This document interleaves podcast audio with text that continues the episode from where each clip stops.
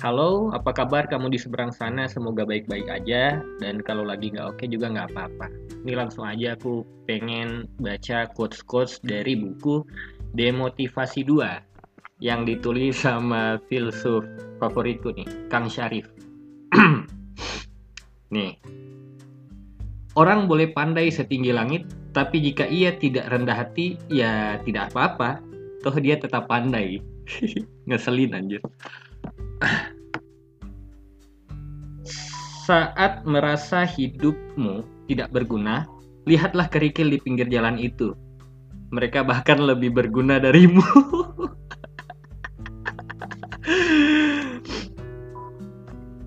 Aduh, tunggu. Setiap kesuksesan dibangun di atas orang-orang yang rela untuk tidak menjadi sukses. Nah, ini menarik. Nanti bakal kita bahas. Ya Tuhan, Aku tidak menginginkan kaya ataupun sukses. Hal yang aku inginkan adalah motor yang kugunakan sekarang dalam perjalanan dari rumah ke kantor tidak mogok. Jika motorku ini mogok, bagaimana aku bisa kaya dan sukses? Satir amat. Jangan iri pada orang yang berpengetahuan luas. Mungkin saja ia lelah mengetahui semuanya dan berharap untuk tidak tahu apa-apa. Asli nih. Mana lagi ya? Kita dihantui jargon-jargon.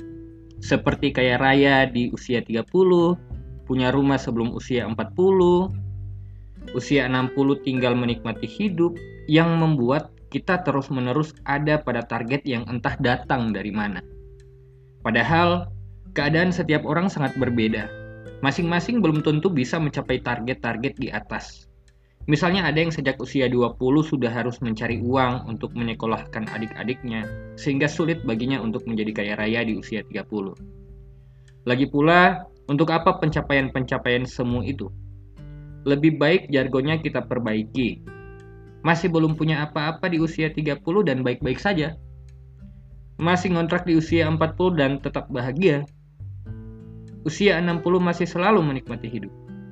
Kita bisa dengan mudah membalikan pikiran-pikiran motivasional lewat cara pikir yang lebih realistis dan penerimaan sepenuhnya atas kondisi aktual. Ini paradoks ya.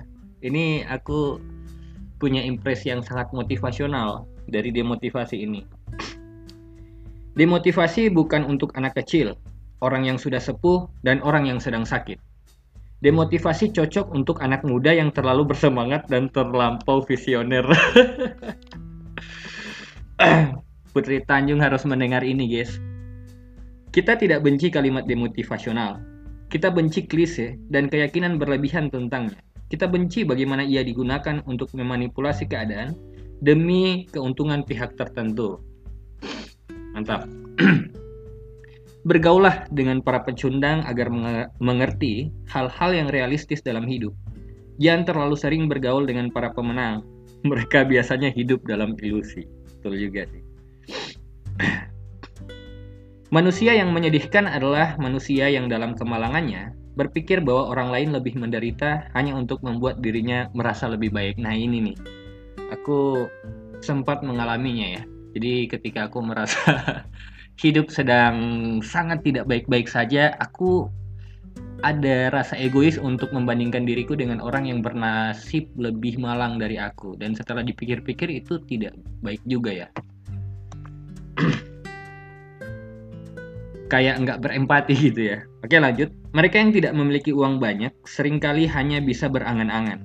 Sedangkan mereka yang memiliki uang banyak sering kali mesti menghancurkan angan-angan orang lain. Wow, permainan kata yang menarik. Untuk membangun hubungan yang kekal, rawatlah kenangan akan cinta yang sebentar. Waktu kita tidak lama, kurangin-kuranginlah mencoba banyak hal. Tuh, ini untuk mediocre ya seperti aku. Patriotisme adalah sejenis motivasi artifisial dengan motivator bernama negara. Oh, menarik. Jangan tanyakan apa yang sudah negara berikan kepada Anda, tapi tanyakanlah apa yang sudah negara renggut dari Anda. Ah, ini dari John F. Kennedy nih. Di apa namanya? Dipermainkan sama dia nih. Kesempatan itu bagai matahari terbit, Sekali saja kita melewatkannya, ya tidak apa-apa. Matahari masih akan terbit besok pagi. Oke. Nah ini cukup puitis ya. Aku mencintai engkau karena tahu bahwa baik aku maupun engkau kelak akan mati. Ini bikin aku ingat uh, buku Ernest Ernest Ernest Beckett gitu ya. Judulnya Menyangkal Ajal. Kita tuh senang mengagung-agungkan hidup karena takut mati dalam keadaan terlupakan. Teruslah berkarya dengan optimistik bahwa semua karyamu tidak akan diingat siapa-siapa. Jangan merendahkan orang yang tidak berkarya. Jangan-jangan dia lebih dulu tahu bahwa karyanya tidak akan diingat siapa-siapa. Ini ngeledek nih. Oke. Okay. Istilah apple to apple hanya bisa diterapkan untuk membandingkan buah apel dengan buah apel. Waduh, bagus nih jokesnya nih. Di belakang nama besar, nama besar, di belakang nama besar seseorang ada tukang cuci piring dan tukang cuci celana dalamnya yang tidak dikenal dalam sejarah. Hal yang paling menakutkan dari menjadi tua adalah menjadi tidak relevan. Semakin tua seseorang, humornya yang dulu paling lucu bakal menjadi humor yang paling getir. Tiada satupun yang tertawa kecuali dia dan kenangannya. Tanpa kehadiranmu, hari-hari ternyata berjalan seperti biasanya. nah, teman-teman, ini adalah buku demotivasi jilid 2 kalau ada yang belum tahu ini buku dari seorang dosen filsafat Universitas Parahyangan Bandung. Aku pernah bahas demotivasi jilid satunya ada di podcast ini, episode awal-awal gitu ya. Ini subjudulnya kumpulan kalimat demotivasi 2, panduan hidup bahagia untuk mediocre. Dan diantar dengan sangat baik oleh Saras Dewi. Jadi awalnya Saras Dewi membuka pembukaannya itu dengan pemikiran Buddha yang sangat jelas bahwa alasan Buddha keluar dari Baluarti atau dari kastil adalah keinginan melihat dunia dan keinginan ini identik dengan kesengsaraan. Kemudian muncul pertanyaan etis yang diajukan Saras Dewi kepada Kang Syarif. Apakah bisa tetap bahagia dalam situasi begitu? Bisa-bisa saja, toh Buddha mencari kebahagiaan dalam kesederhanaan, tanpa keterikatan material dan gaya hidup maksimalisme. Jadi Buddha itu minimalis banget ya. Begitupun kaum kaum sufi dan lain sebagainya. Kedua hal itu yang sebenarnya mau dikritik Kang Syarif dalam buku Demotivasi Jilid 2. Bahwa kuasa materi dan eksploitasi kapitalisme yang culas itu terang-terangan terjadi di sekitar kita. Sosok lain yang merepresentasikan demotivasi di mata Saras Dewi adalah Albert Camus yang terlihat jelas dalam esainya bertajuk Musim Panas di Algier, ditulis tahun 1939. Camus menyebut bahwa kota Algier terbuka terhadap langit, sebagaimana mulut atau luka yang menganga. Ini aku kutip nih ya. Aku belajar bahwa tidak ada yang sejatinya kebahagiaan manusia, super. Tidak ada kekekalan di luar dari bergulirnya hari-hari. Kepemilikanku pada hal-hal kecil dan esensial termasuk kebenaran relatif, adalah satu-satunya yang menggugahku. Sedangkan bagi yang lainnya, kebenaran ideal, jiwaku tak berkewajiban untuk memenuhi mereka. Berarti seseorang mesti menjadi binatang, tapi aku tidak dapat menemukan makna dalam kebahagiaan para malaikat. Apa yang aku ketahui adalah langit ini akan bertahan lama jauh melampaui diriku. Kutip Saras Dewi. Barangkali bagi kami, satu-satunya dosa, dan bila dosa itu ada, yaitu terlupakannya kehidupan yang saat ini berlangsung dan hampir sedelusional kehidupan selanjutnya yang megah. Hanya hidup ini yang penting dan layak untuk dijalani. Hanya hidup ini yang layak dijalani, yang kita jalani dengan sepenuh-penuhnya nafas.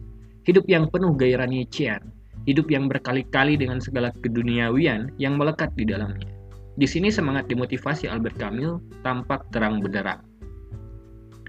Tapi apakah itu juga mengartikan bahwa motivasi sudah mulai usang? Jadi secara psikologis, Syarif Maulana bilang bahwa manusia ya tetap butuh motivasi untuk bertahan hidup secara psikologis. Demotivasi dianggap bukan sebagai kondisi alamiah, bukan set of nature kita. Tapi Kang Syarif mau eh, sebenarnya mau membelajeti motivasi yang berwatak psikologis. Jadi yang dia dia mau belajeti itu bukan yang berwatak psikologis maksudku, tapi adalah motivasi yang bersifat artifisial yang sering dijadikan mata dadu bagi para motivator untuk um, menciptakan kesadaran palsu di kepala audiensnya. Masalahnya bertahan hidup itu memang kondisi alamiah, tapi motivasi artifisial membubuhinya dengan delusi yang cenderung menyangkal kehidupan-kehidupan pahit yang mestinya dijalani saja dengan sukarela. Para motivator berkoar-koar. Untuk bertahan hidup kamu harus kerja dan sukses, kamu harus hidup positif dan optimis gitu. Yang entah kenapa ya ketika para motivator itu bicara menyebut saja kata optimis aku langsung ingat tokoh Panglos di novel Candid di eh, bukunya Voltaire yang selalu membuat aku jengkel.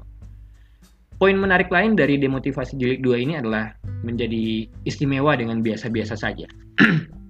Syarif, Kang Syarif menguak fakta yang secara menyedihkan sering banget kita hindari.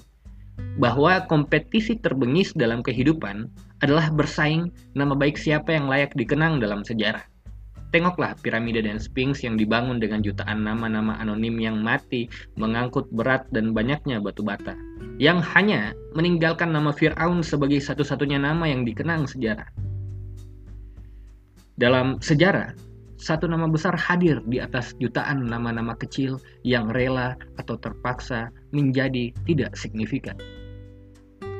Kerap kita mendapati nama arsitek atau nama pejabat untuk uh, di suatu monumen yang meresmikan suatu bangunan penting tapi kita nggak tahu siapa aja puluhan bahkan ratusan buruh yang bertaruh nyawa membangun suatu gedung itu.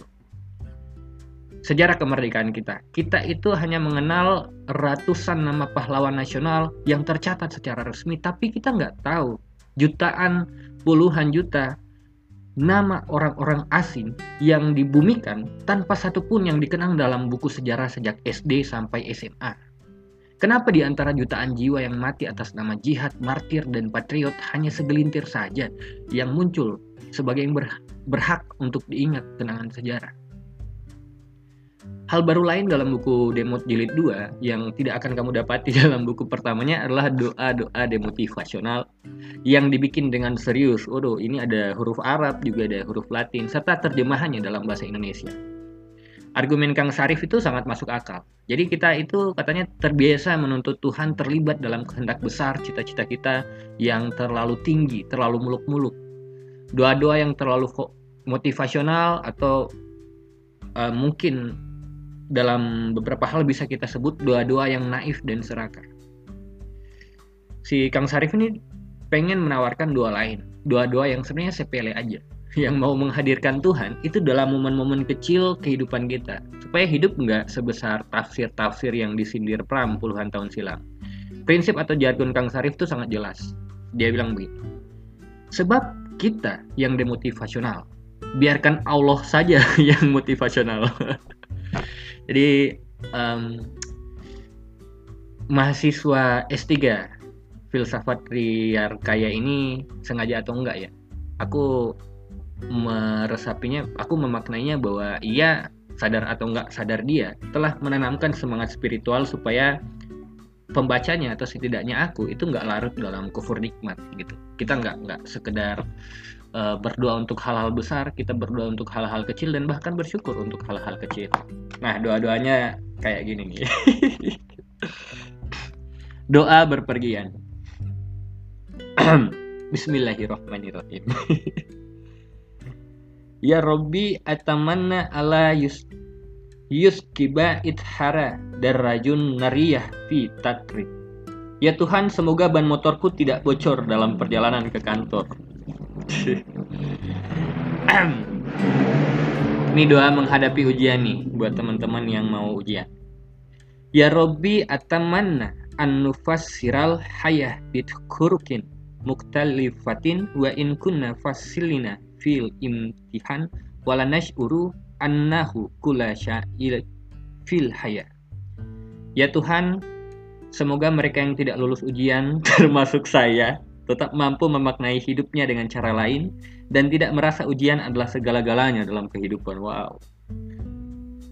Allahumma ja'ala ala nash'ura mutawafikin bi hadizi najahliana wujudi.